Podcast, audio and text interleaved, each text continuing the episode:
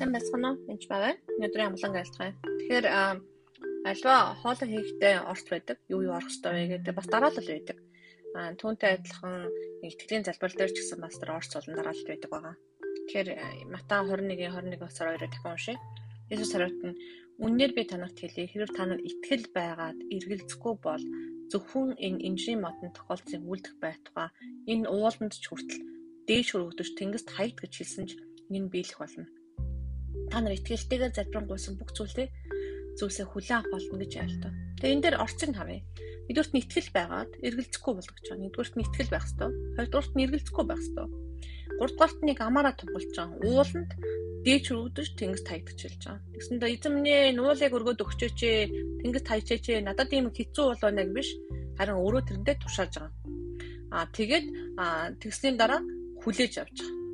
Энэ мэдээж ариун сүнсээр бас хийгддэг зүйл байгаа. Тэгэхээр мэдээж итгэл гэдэг орчин талаар бид нар ярьж байна. Итгэл гэдэг орц байгаа. Эхлээд заавал итгэл нэгдүгээрт нь заавал байх ёстой гэсэн. Тэр Ром 10 20 27-д 10 27-д тиймээс итгэл нь сонсохоос сонсох нь Христийн үгээр ирдэг гэж. Тэгэхээр зарим орчуулган дээр бол яг ингэж байгаа юм л да. А King New King James дээр яг итгэл нь сонсохоос а сонсох нь Бурхны үгийг сонсохоос гэж хэлж байгаа.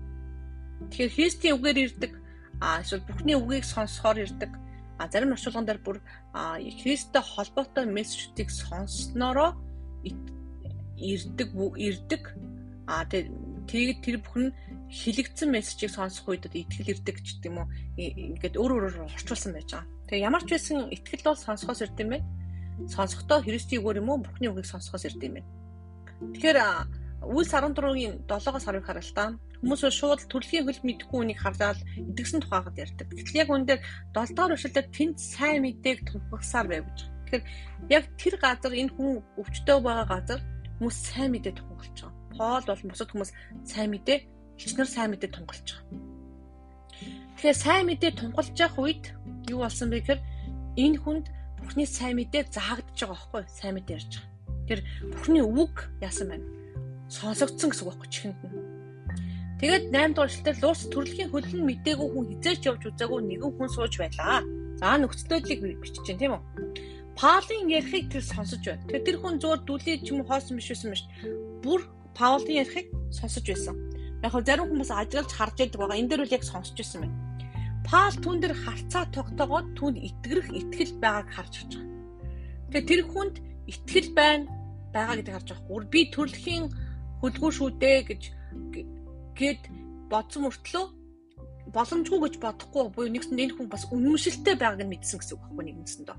Өөрийн миний нөхцөл байдлыг биш Бурхны бурхан боломжгүй зүйл байхгүй байна гэж харж ирсэн гэсэн үг. Яг тэгээд тийм учраас үнэмшлэхгүй байдлаас энд яг бас байгаа. Итгэл бас байгаа. Яг хилээгүй боловч хэлж байгаас яаж бол түнэр харцаа тогтоог түнэр эдгэрэх итгэл байгааг нь харж бүр харагдахгүй байх гэсэн үг байхгүй.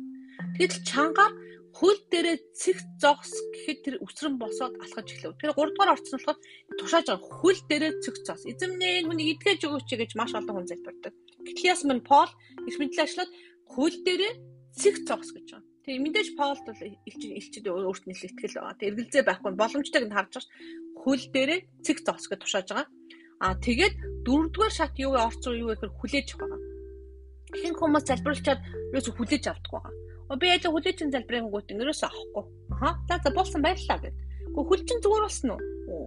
Мэдхгүй. Нуруучин зүгээр болсон уу? Гэ заавал асуудаг. Яагаад вэ гэвэл яг хүлээж авах процесс хамгийн чухал. Хүлээж авах процессыг хийхгүй болохоор энэ бүхэн явахгүй. Тэр одоо ч баахан бууз хийж тавьчаад жигнэхгүй хайчуул тэгээд түүхий бууз юу ч идэх боломжгүй байхгүй. Тэгэхээр тэрнтэй адилхан хөл дээр цэг зогсгоо тэр үсрэн босож алхаж эхэлж байгаа. Нөгөө маань үсрэн босоод алхаж эхэлж байгаа бүрийг хүлээж авч байгаа. Шууд.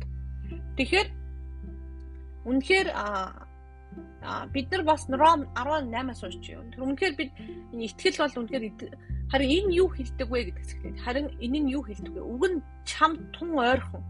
Аманд чинь зүрхэнд чинь би гэдэг. Энэ нь бидний тунхлаж буй итгэлийн үг юм. Хэрв та Есүсийг эзэн гэж аммаараа хүлээн зөвшөөрч Бурхан түүнийг өгсдөөс амьлуулсан гэдэгт зүрхэндээ итгэвэл аврагдах болно. Хүн зүрхэндээ итгэн зөвхт байдал төрж амаараа хүлэншүүч аврал төрдөө хэлж. Тэгээ яг үүндээ тэр Бурхны үгээр бид нартай тун ойрхон байгаа. Зүрхэнд минь бий байгаа.